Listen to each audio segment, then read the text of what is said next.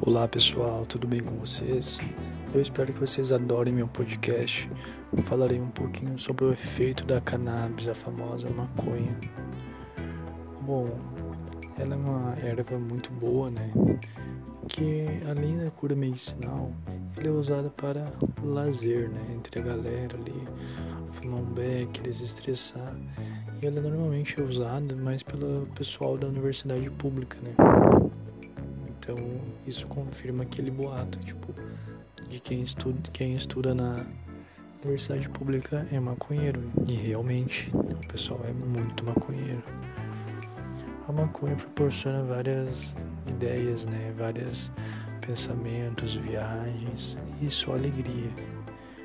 O pessoal tem muito preconceito contra o maconheiro, que o maconheiro é uma pessoa ruim e uma pessoa marginal mas o maconheiro ele só quer uma good vibes, ele só quer relaxar, esquecer esse mundo cruel. Então eu espero que vocês tenham uma nova visão de um maconheiro e vocês incentivem as pessoas a usarem a maconha, a conhecer essa oitava maravilha do mundo.